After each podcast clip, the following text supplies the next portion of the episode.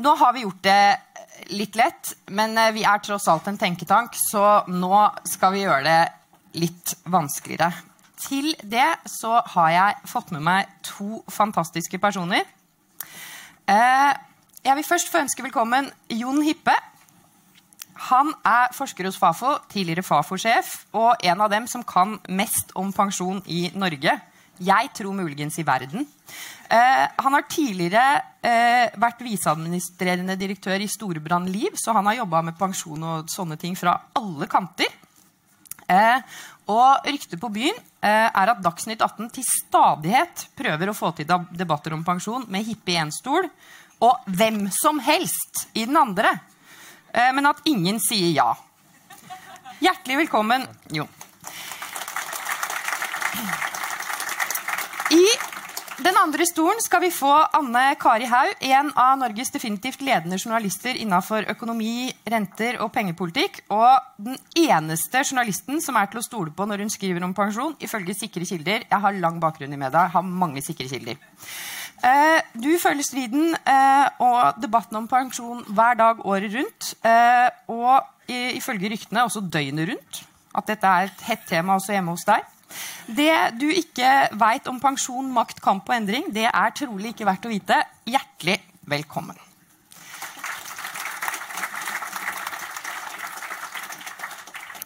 Eh, akkurat nå så er det jo veldig stor bevegelse eh, i pensjonsspørsmålet. Eh, og jeg tenkte at vi skulle begynne med å gå litt dypere inn i forskjellen på offentlige og private pensjonsordninger. Så Anne Kari, Hvorfor er forskjellene, at det er så stor forskjell mellom offentlige og private pensjonsordninger, et problem? Det syns jeg jo egentlig Aslak viste veldig bra på den borgen sin. Altså, jeg vil jo si, altså, Det er to eh, store problemer. Det ene er at det er komplett ubegripelig for de fleste av oss å forstå. fordi at vi snakker om AFP og vi snakker om OTP, og, og det er helt ulikt avhengig av hvor du jobber. Eh, og det andre hovedproblemet er at det er vanskelig å bytte jobb.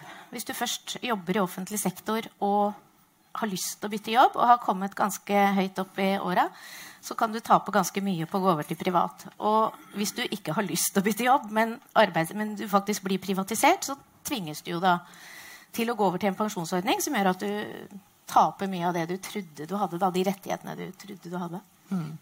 Og det er vel også litt sånn at i, i, offentlig sektor så pensjon er jo en slags utsatt lønn.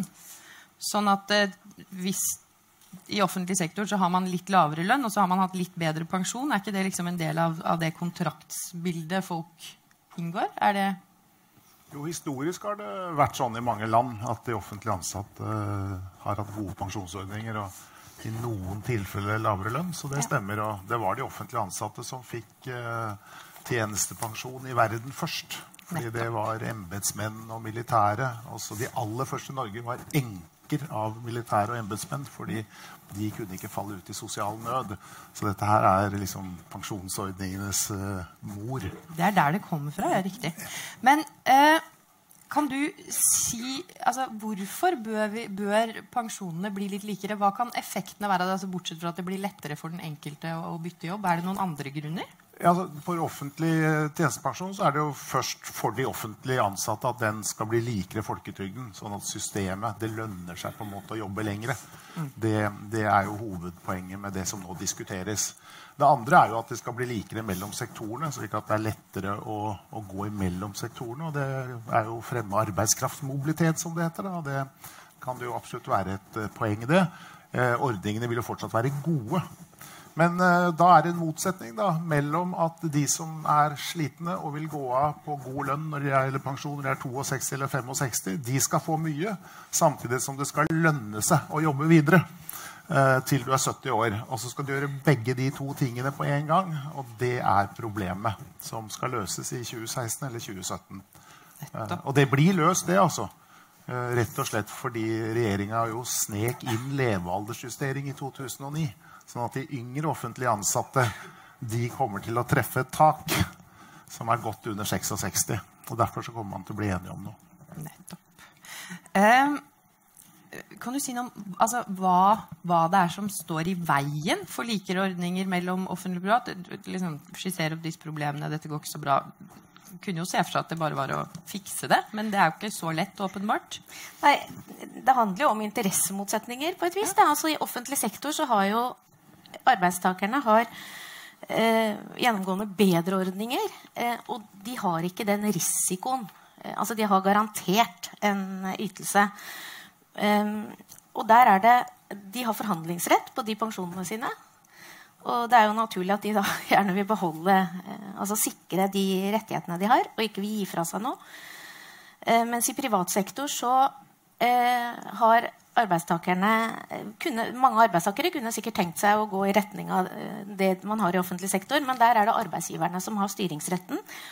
Og arbeidsgiverne vil vel for det første gjennomgående ikke gi så mye mer. Og for det andre så er det problemet for mange arbeidsgivere å ta den risikoen som offentlig sektor lettere kan ta. Det å, å garantere noen en pensjon betyr jo også at du forplikter deg mange år fram i tid.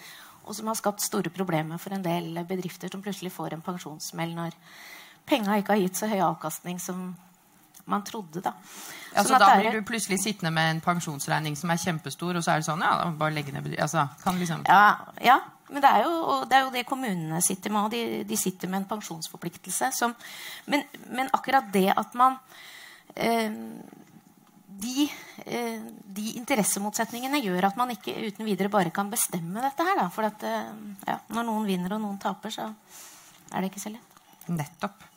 Eh, sånn overordna Jon Borgen er jo veldig eh, kompleks. Ja, fin, da. Eh, ja, veldig fin. Jeg må si det. Jeg var imponert. Jeg har aldri kommet på noe sånt. Er, er, pensjon Er det sånn alle gjør det? Er det sånn at uh, pensjon er superkomplisert, og sånn er det, og det må vi bare leve med? Uh, ja, det er jo komplisert alle steder. Men uh, nå spør du om ulike land, ikke sant? For eksempel? ja, det er nok enklere i våre nordiske naboland og i Nederland og sånn enn det er i Tyskland og England og Spania og Italia. det tror jeg man kan si. Finland har et veldig enkelt system et ganske integrert, eh, hvor alle er medlem i grunnleggende samme type ordning. Uh, som er et stort offentlig system, men drevet av partene i arbeidslivet. Uh, svenskene har en sånn folketrygd som vi har, med et ganske felles offentlig-privat uh, tariffavtalebasert system på toppen. og en variant av det er også danskene. Og nederlenderne de allmenngjør. De sier at i de bransjene hvor det er inngått tariffavtale, så gjelder den av sånn pensjon for alle. Så det vi kan si er at De landene som har brukt lovregulering, og som har sterke parter og tariffavtaler, så har de stort sett brukt det for å rydde opp.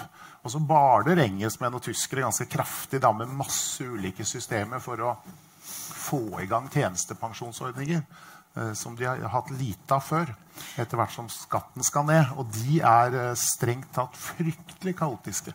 Nettopp. Men så kan man si at altså, i forhold til da, fordi Norge er jo typisk et land med sterke parter og, og, og gode forhandlinger og trepartssamarbeid og alle disse vidunderlige tingene som vi har. Så kan man da si at egentlig så er det, det, dette tårnet det er litt sånn u-den norske modellen? Altså det, eller denne borgen, at det hadde vært mer naturlig å ha liksom, et stort tårn som ligner mer, sånn som de har i Sverige eller Finland eller ja, altså den uh, Borgen uttrykker det at Norge er litt forskjellig fra nabolandene, bl.a. ved at tariffavtaledekningen i privat sektor er bare halvparten. Uh, mens danskene og svenskene jo har ganske bred, mildt sagt, uh, bred dekning. og dermed får du f.eks. det som kjennetegner AFP i Norge, at den da gjelder bare for halvparten av de privatansatte. Nettopp. Så er Norge også det eneste landet i Europa som har den typen offentlige tjenestepensjoner som vi har f.eks. I alle andre land så er de vesentlig likere mellom offentlig og privat ansatte. Og det kommer det til å bli i Norge òg. Nettopp. Eh, bare ett oppklarende spørsmål. Eh, fordi AFP eh, Man har det offentlig, man har det privat. Betyr det at alle i Norge har AFP? Nei, det der er jo helt vidunderlig. For det er de samme bokstavene og de eh, samme navnene. AFP i offentlig sektor er en pensjonsordning som går fra 62 til 65 og fra 65 til 67. Fra 62 til 65 får du folketrygden beregnet, og så får du full tjenestepensjon fra 65 til 67. Det er en førtidspensjonsordning. Veldig god. Eh, så hadde vi noe lignende i privat sektor. Den ble gjort om i forbindelse med pensjonsreformen og det berømmelige oppgjøret i 2008, og er nå en alderspensjon. Så kunne jeg sagt at den er 0,314 i år, og sånne ting, men den er rett og slett sånn at vi sparer ca. 3,5 prosentpoeng i året. Eh, og når du da er 62 år, så kan du ta den ut fleksibelt, og den varer livet ut. Så det er en, en, slags tjenestepensjon som er forhandlet, men hvor staten bidrar med en tredjedel. Men så kommer jo denne tariffdekningen igjen. da, at Den gjelder jo da de som jobber i tariffavtaledekkede bedrifter. Altså når Siv Jensen sier ofte at det er pensjon til LO-medlemmene, så er det feil. Det er pensjon til de som jobber i tariffavtaledekkede bedrifter. Men det er noen som ikke får òg? Som bare over, har folketrygd og tjenestepensjon? Over halvparten av de som er i privat sektor, har ikke AFP. Men så er det litt sindig, da, for folk flytter på seg. Sånn at når jeg sier det, så er det gjennomsnittstall. Men når du blir eldre, så er sannsynligheten for at du jobber i en tariffavtaledekka bedrift, den er større enn når du er yngre. Nettopp. Så det, da smyger vi oss forbi 50 da. Ja, Men for de som er medlem AFP er mye viktigere enn folk tror. Tror jeg.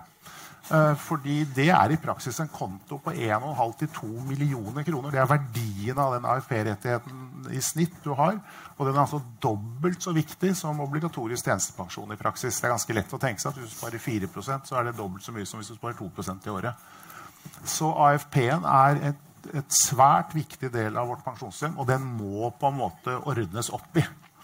Nettopp. Takk. Nå skal vi gå videre til um det Aslak kalte kjæresteparet på Borgen. Jeg vet ikke om, om, jeg ville valgt det uttrykket. Men eh, eh, eh, norsk industri eh, Fordi altså det foregår en hel masse debatter om pensjon for tiden. Det er hemmelige møter og ikke-hemmelige møter, og statsråden møter, og LO og NHO har møter. Alle har møter. Det skal vi være glad for i landet. Det er vi, jeg kjenner på takknemligheten. Men eh, en av de tingene som det har vært mye oppmerksomhet rundt, eh, det er et, et, forslag som Norsk Industri, som er arbeidsgiversida, og Fellesforbundet eh, Og de utgjør jo til sammen frontfaget. De som pleier å forhandle lønn først. Eh, eh, de har lagt fram et forslag til ny privat tjenestepensjon. Altså toppen på det lille eller gjerdet, eller hva man skal si. Eh, og det har det blitt mye bråk om. Hva er det de egentlig foreslår, Anne Kari? Ja, det, det, var jo egentlig litt overraskende for alle, for LO også, tror jeg, at de kom her for et par uker siden og bare hadde et forslag til en løsning. Det, det var for, altså tariffoppgjøret for, i 2014 så ble de enige om at de skulle utrede pensjon. Og så utreder de det, og så kommer rapporten, og så kommer de samtidig og sier og vi foreslår følgende løsning. Eh, og den, eh, den, går ut på, på at eh, alle arbeidstakerne skal opprette sin egen pensjonskonto. Altså helt parallelt til at man i dag oppretter en lønnskonto. Og så skal Sånn at arbeidstakeren tar over på en måte styringa med pensjonen sin og bestemmer hvem. Om de vil gå til Storebrann eller DNB eller hvem uh, å ha pengene der. Og så vil de jo da samtidig overta kostnaden da, ved å uh, forvalte de penga. Og så skal arbeidsgivere, eh, eller den første arbeidsgiveren du har, setter inn penger på den kontoen. Når du bytter eh, jobb, så tar du med deg kontoen, og så, så vil nye arbeidsgivere sette inn penger på samme kontoen. Sånn at det er noe sånn besnærende enkelt med det. og, og så skal eh, arbeidstakerne selv kunne sette inn, altså spare mer sjøl på toppen. Eh, hvis, ar hvis, de, hvis, arbeidsgiver bare gir de lovfestede to prosentene, så skal arbeidstakerne sjøl kunne ja, spare eh, hver måned, sånn at det blir mer penger til slutt. Men den eh, løsningen den krever en lovendring, så det hjelper for så vidt ikke i seg selv at de eh, to er blitt enige. Eh, men, men det arbeidstakerne i hvert fall har fått eh, gjennom med det, da, er for det første det de krevde om å få eh, bestemme selv over forvaltningen av pengene. Altså hvem som skal forvalte dem. Eh, og de, eh, de, får, de, gjør det lettere med jobbskifte, for du slipper alle disse brevene fra ulike banker fra tidligere, tidligere arbeidsforhold. Det er det som heter fripoliser. Har, mange av dere har sikkert. Det Det er veldig mye reklame for det på Flytoget av en eller annen merkelig grunn. Fripoliser. Jeg pleier ikke å tenke så mye på de, bortsett fra når jeg tar Flytoget. Eh, jeg er jo over snittet interessert i pensjon, som mange kanskje har skjønt. Og det Fripoliser, det, er, det skjønner jeg ingenting av. Du, men dette forslaget fra Norsk Industri og Fellesforbundet, eh, det er jo besnærende enkelt sånn. Det møter allikevel ganske voldsom motstand. Hva er grunnen til det? Det er mange grunner, tror jeg. Altså, men det, det, første er at det er faktisk jeg skal prøve å være seriøs her. sant? Si det, er, det er vanskelig å skjønne forslaget fordi eh, når du leser utredningene Eller utredningen, det er en andre bare et par sider, på en måte, sier at sånn bør det være, så er det ikke noe problemstilling. Det er ikke noe spørsmål som sier at dette er problemet, her er et forslag som skal løse noe. Sånn at man får ikke helt grep i hva man prøver å løse. Eh, så da må man begynne å liksom drive litt sånn bibeltolkning. Da, mer sånn, en slags kremnologi. Og si hva, hva, er det de kan ha tenkt seg, da, på en måte. Og det første, eh, med positiv fortegn, det første er vel en form for sånn enkelhet. At alle skal ha sin konto. Eh, og da er jo problemet det at det forslaget er jo egentlig ikke at alle skal ha sin konto. Det er jo et forslag om en ny lov, eller en tillegg til lov om innskuddspensjon, hvis dere vil ha detaljene som sier at i denne type ordning skal arbeidstakeren kunne måte, ha et pensjonskapitalbevis fra dag én som han eller hun selv forvalter. Det betyr jo at de andre lovene står som i dag. Så Aker, da, som har jeg solgte den til Aker, Norges første innskuddspensjon, og i Storebrand, de kan ha en felles innskuddspensjon for alle sine ansatte. Jeg skal love at Funksjonærene i Aker har jo ikke noe lyst på de kostnadene, så de tenker jeg lar den stå. Og sånne hybridpensjoner de er der. Offentlige tjenestepensjoner er der. Så dette blir en fjerde eller femte pensjonsordning. Eh, så jeg ser ikke helt hvordan den skal forenkle det. Jeg sliter litt med å gripe forenklingspoenget, for da måtte du kline til med skikkelig makt da, og si at nå setter vi en strek over alt, og så lager vi en pensjonskonto. Eh, men, men, at Stortinget da noen måneder etter at de har vedtatt alle de nye lovene for det nye pensjonssystemet, skulle si at du, sorry, vi glemte dette ble feil, det, det, forstår jeg ikke. Så dette, det er liksom litt grunnleggende. Det andre du kan si til det med enkelhet, er jo at som underspilles i forslaget Vi har en konto i dag det er sånn, det er loven lov om forsikringsvirksomhet sier at alle skal ha en konto da i Storebrand eller DNB eller Sparebank1 eller hvor det er, hvor dine penger står. Ellers kommer Finanstilsynet og sier fy. Og den kontoen skal ha tilstrekkelig med penger. Det er norsk regulering. Uh, og når du slutter i bedriften, så får du pensjonskapitalbevis. Det er en million av dem allerede i dag. Du kan slå dem sammen, og du kan flytte på dem akkurat som du vil. Problemet er at folk flytter jo ikke på dem, og de bryr seg ikke, og det er altfor dyrt. Men, men altså Fellesforbundet kunne når som helst ha satt opp en stand der ute og sagt at vi i Fellesforbundet har forandra en avtale med Sparebank1 om å flytte alle pensjonskapitalbevis dit.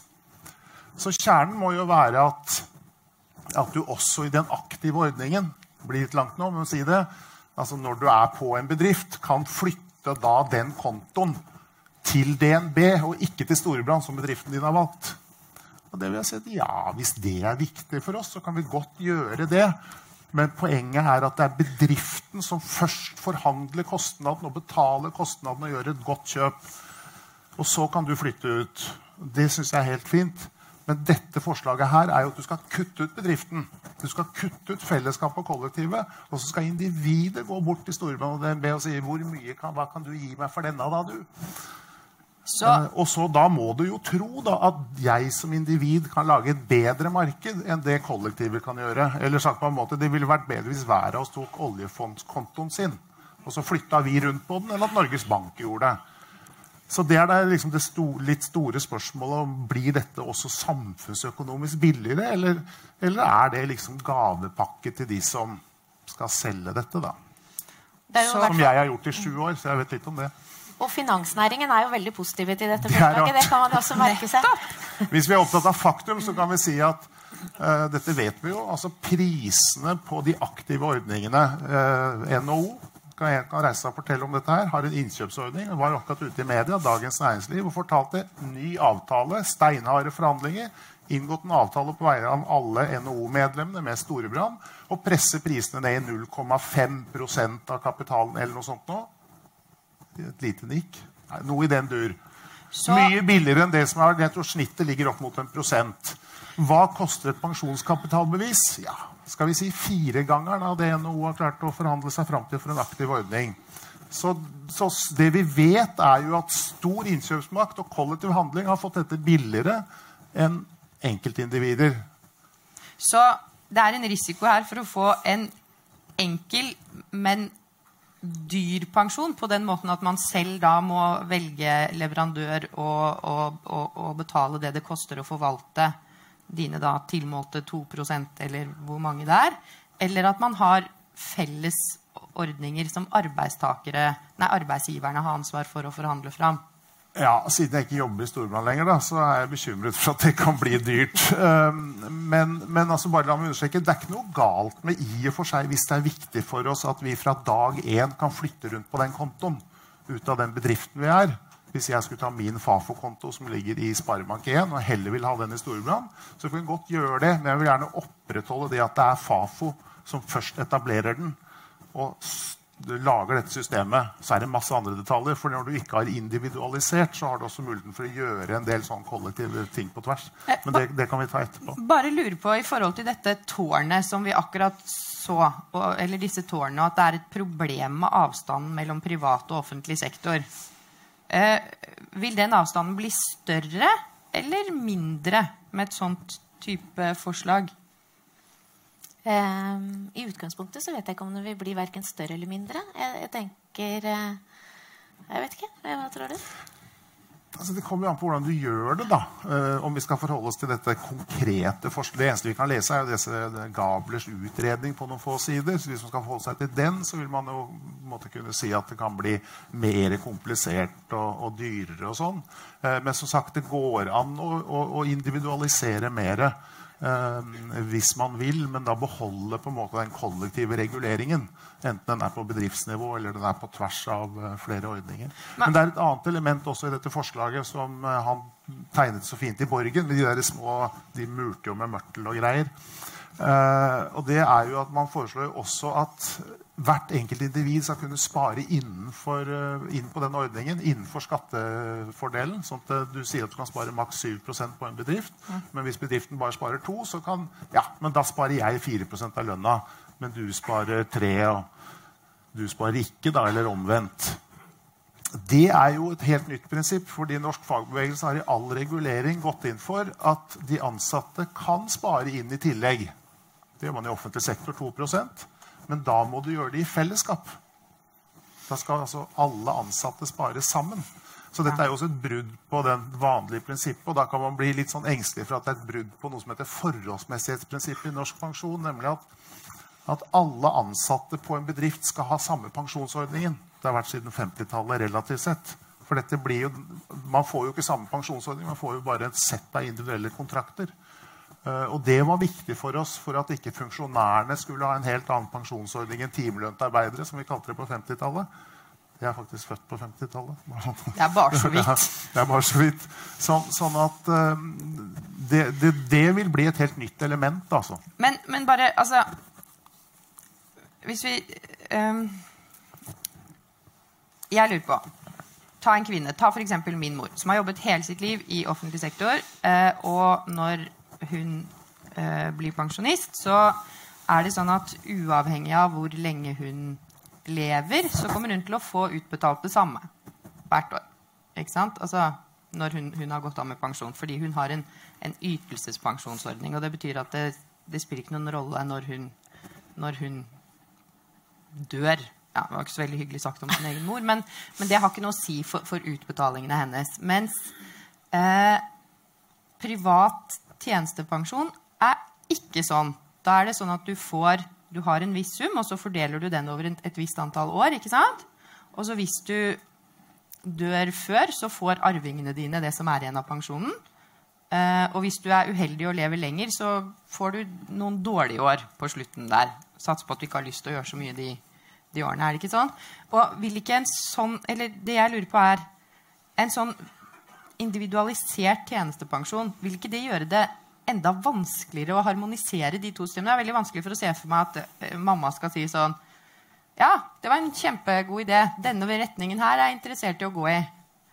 Um, vil ikke hun komme dårligere ut da?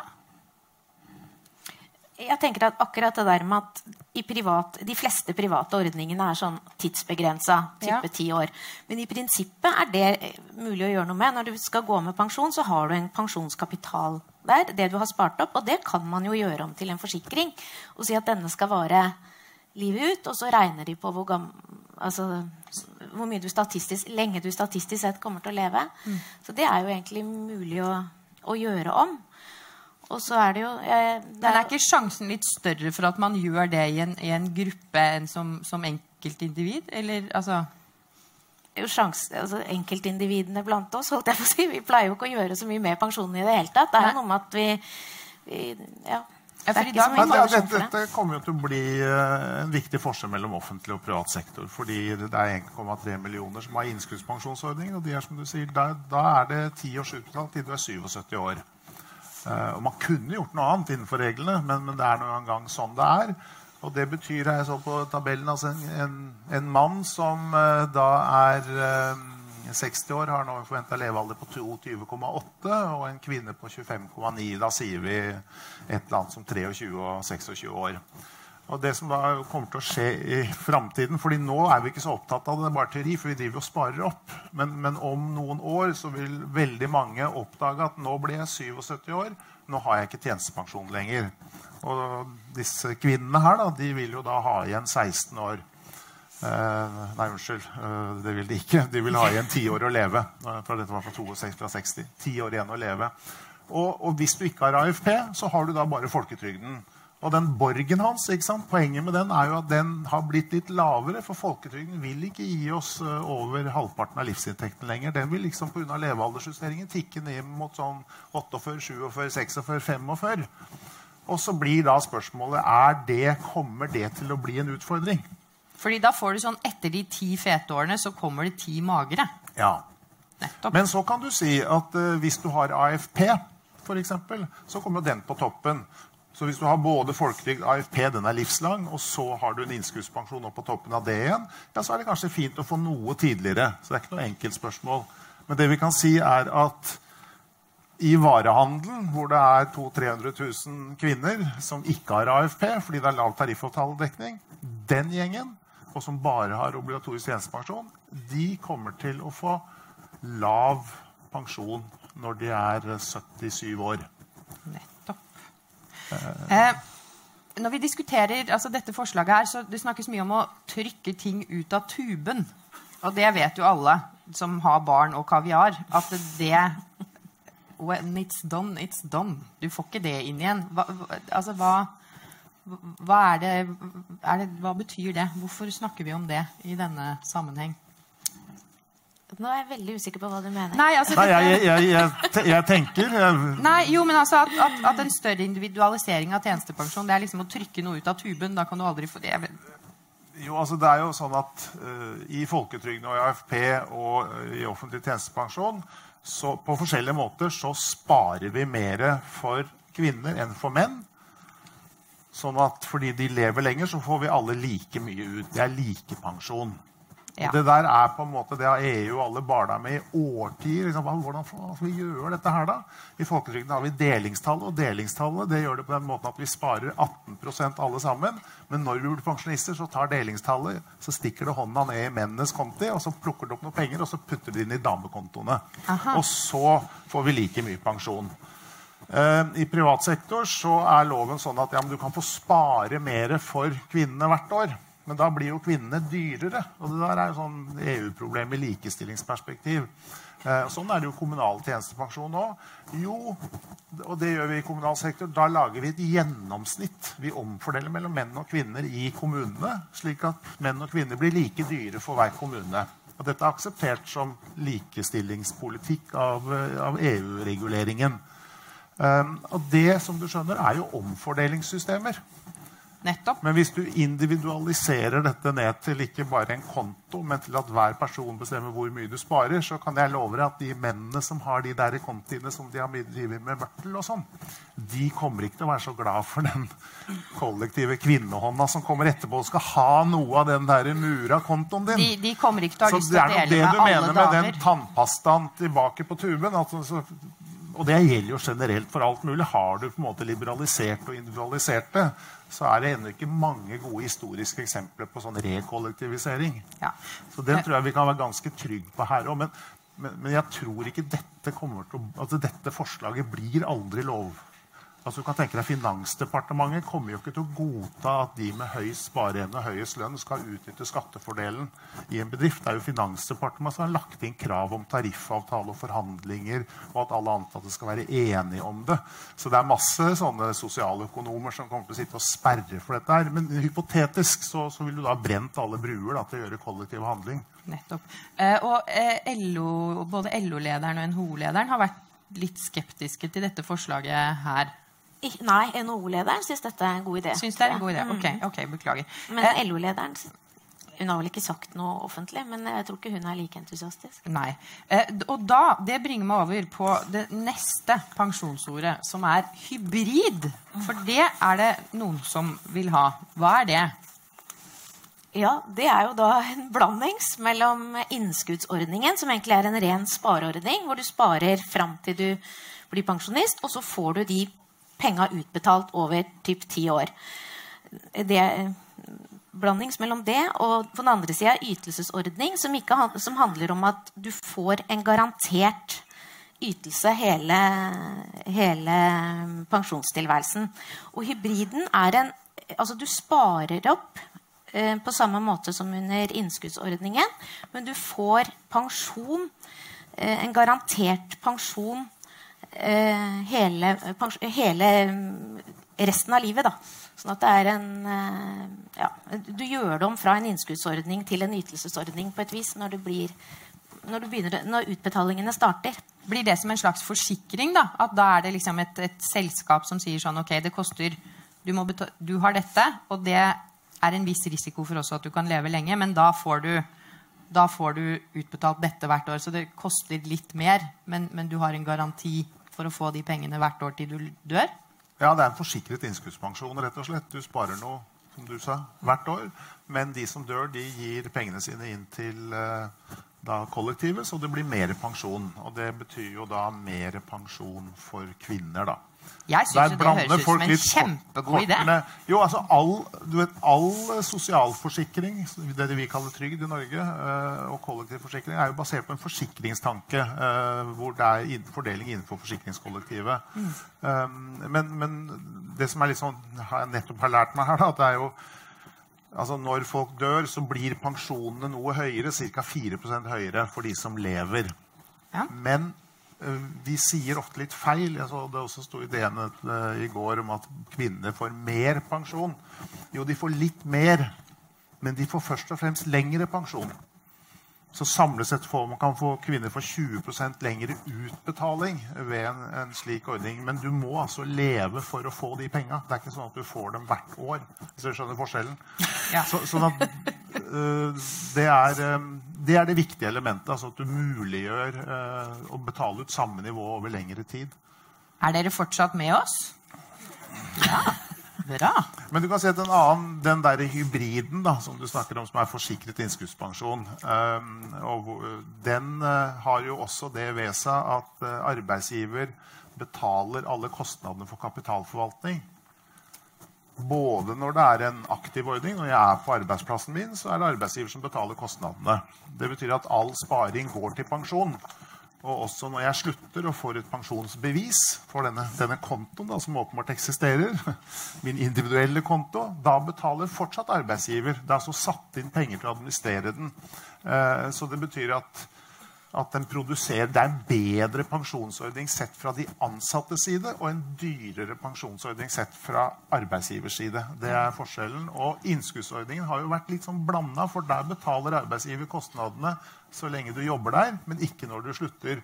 Mens det forslaget fra Fellesforbundet var jo også at for å få kontoen fra dag én, så skulle du også få alle kostnadene. Og det er i det norske samfunn sånn rundt regna en milliard kroner i året. det som da skal overføres fra arbeidsgiver til arbeidstaker. Så du lurte på om Gerd og ja, eller Skogen Lund jeg skal være på fornavnet Skogen Lund eh, var fornøyd, så er det klart at arbeidsgiver er veldig lett å forstå. For hvis du blir kvitt kostnader og risiko og Dette er ingen kritikk av arbeidsgiversiden. Det er, det er en helt åpenbart standpunkt. eh, at du er fornøyd da. Nettopp.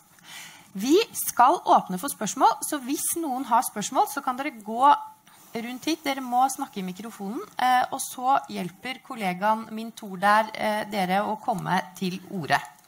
Eh, men eh, vi bare fortsetter.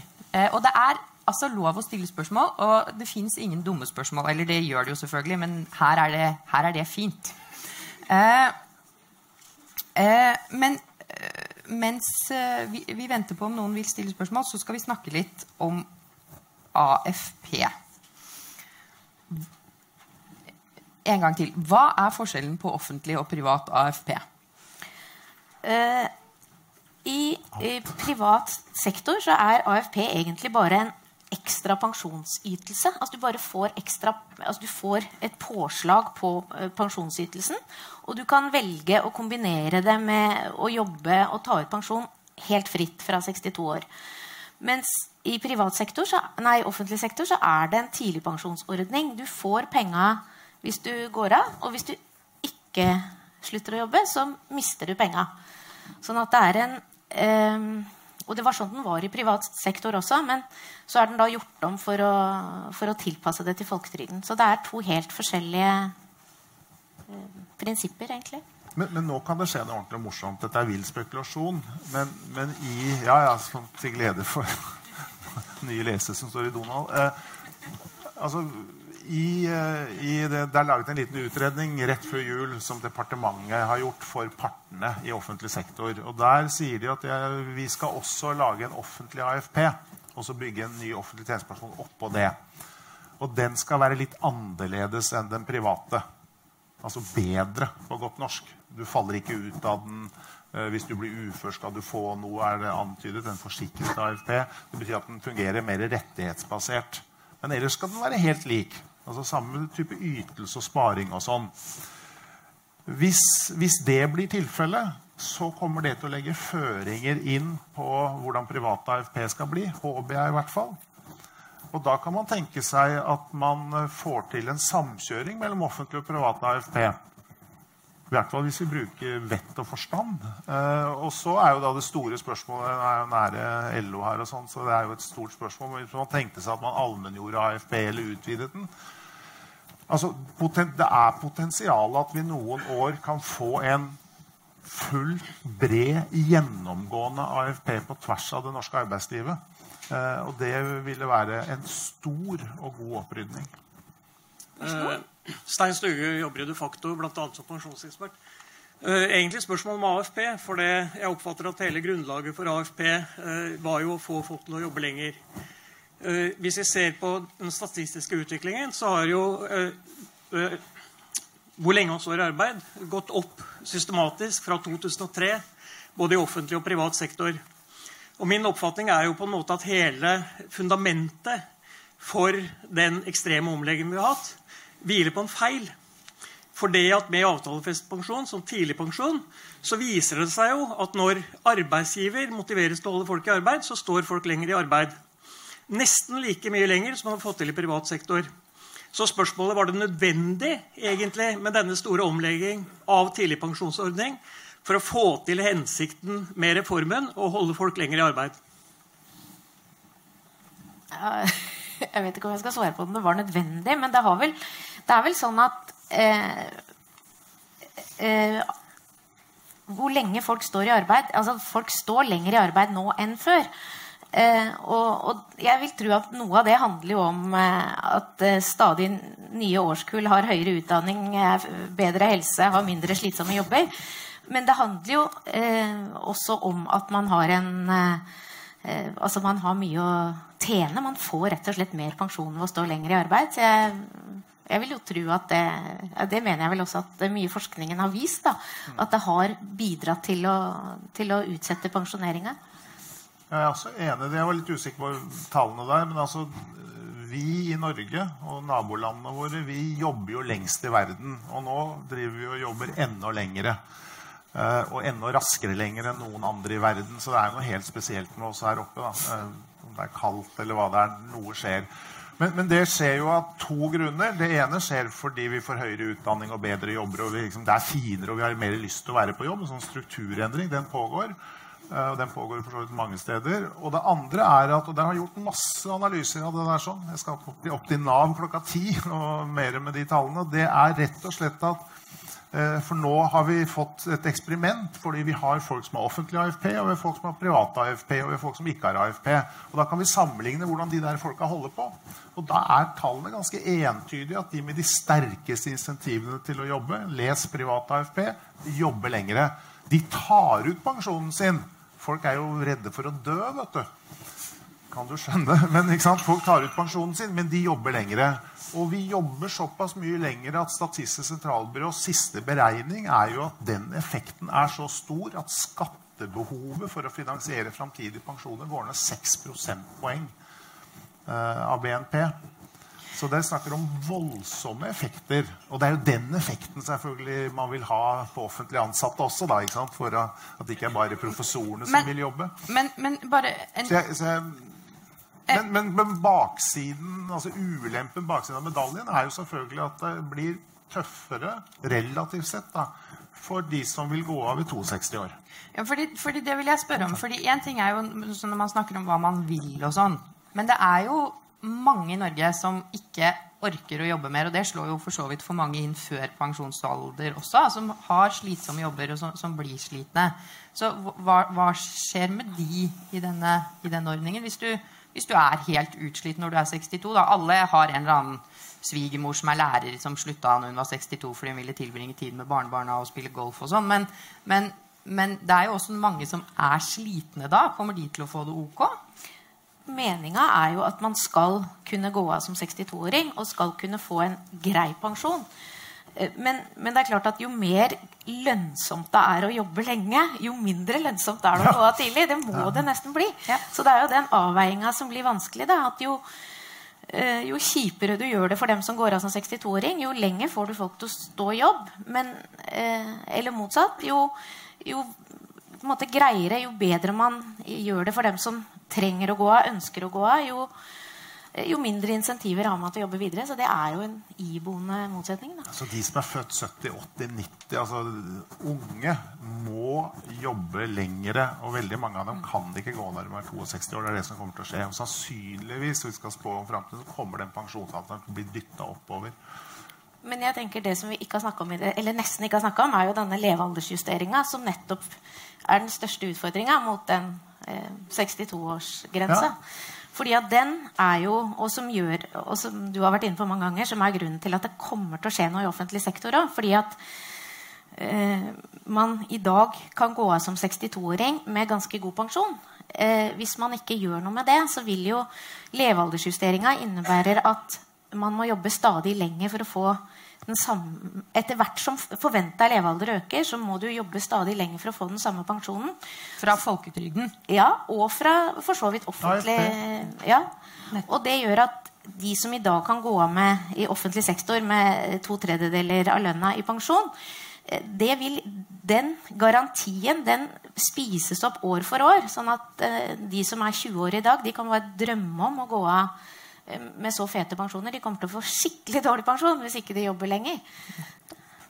Og det slutter jo sirkelen i noen grad her. Da. Altså at fordi folketrygden sånn sett kommer til å skrumpe litt inn, så blir AFP og tjenestepensjonsordningene viktigere for oss alle, og særlig for de yngre. Og dermed så blir også organiseringen av begge disse to systemene og hvordan de spiller sammen, Eh, et stort og viktig pensjonspolitisk spørsmål som man burde bry seg om. Vi har bare ikke ordentlig skjønt det ennå, men det er, det er, sånn det kommer til å bli. Jeg går ut av dette møtet med forståelsen av at det kommer til å skje store endringer. Men fordi dere skal være klar for tida som kommer, så tenkte jeg at vi skulle slutte veldig kjapt med Anne Kari, kan du fortelle litt om de prosessene som går nå, og som påvirker pensjon? Hvem er det som snakker sammen hva ja. i månedene som kommer? Ja, for det første, Nå på torsdag så skal det jo da være møte mellom partene om offentlig tjenestepensjon, som eh, arbeidsministeren har invitert til. Og da Grunnlaget for det møtet er denne rapporten som Jon nevnte, eh, hvor man skisserer en ny modell for offentlig tjenestepensjon.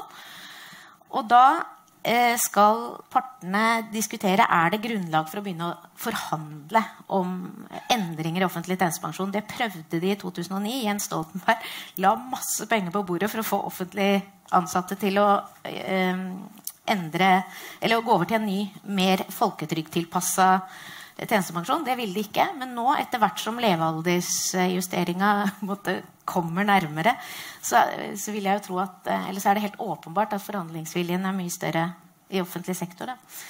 Så det eh, er det mye som tyder på at kommer til å starte en prosess med nå. Kan bare få skyte det som er et ganske morsomt eksempel, er at Når du garanterer noen 66% eller levealdersjustert, altså den synker jo, og de, blir, og de, er unge, sånn at de får fra den nye folketrygden, så vokser jo folketrygden mer og mer og mer. og mer eh, jo lenger du jobber. Og til slutt så treffer du den garantien, og da blir du noe som heter nullpensjonist. Du, altså, du, får ingenting fra din offentlige tjenestepensjon, som du har betalt 2% for hele livet. Den situasjonen er umulig. Og Derfor så har disse partene et skjebnefellesskap. Det må de finne ut av. Eh, så de må, må komme fram til noe. Men og tilbake til det som skjer nå. Ja, Og så neste uke så skal LO eh, vedta kravene sine foran lønnsoppgjøret. Da skal de vedta om det blir et forbundsvist eller samordna oppgjør. Eh, og alle tror vel at det blir et forbundsvist, der Fellesforbundet og Norsk Industri går foran og forhandler. Da vil de sannsynligvis få et mandat som sier noe om tjenestepensjon. Da. Men hva er det foreløpig ganske hard dragkamp om, tror jeg. Og så har vi jo hørt om at eh, Gerd og Kristin, eh, henholdsvis LO-leder og NHO-leder, har sin eh, lille dialog om de litt må, måte mer overordna linjene. Da. Men der har de vel nå, sier de, lagt det på is inntil videre. Nettopp. Så mange store prosesser. Jeg håper at dere skjønner fryktelig mye mer eh, om pensjon enn da dere kom. Jeg håper dere fortsatt har ting dere lurer på. Det er mye bra lesing om det her. Jeg, eh, det, det, altså hvis du googler pensjon og f.eks. Fafo eller pensjon og Dagens Næringsliv, så er det, der, der er det kos for mange kvelder framover, nå som Mammon er ferdig. Eh, tusen, tusen takk for at dere kom, eh, og ha en fortsatt strålende dag.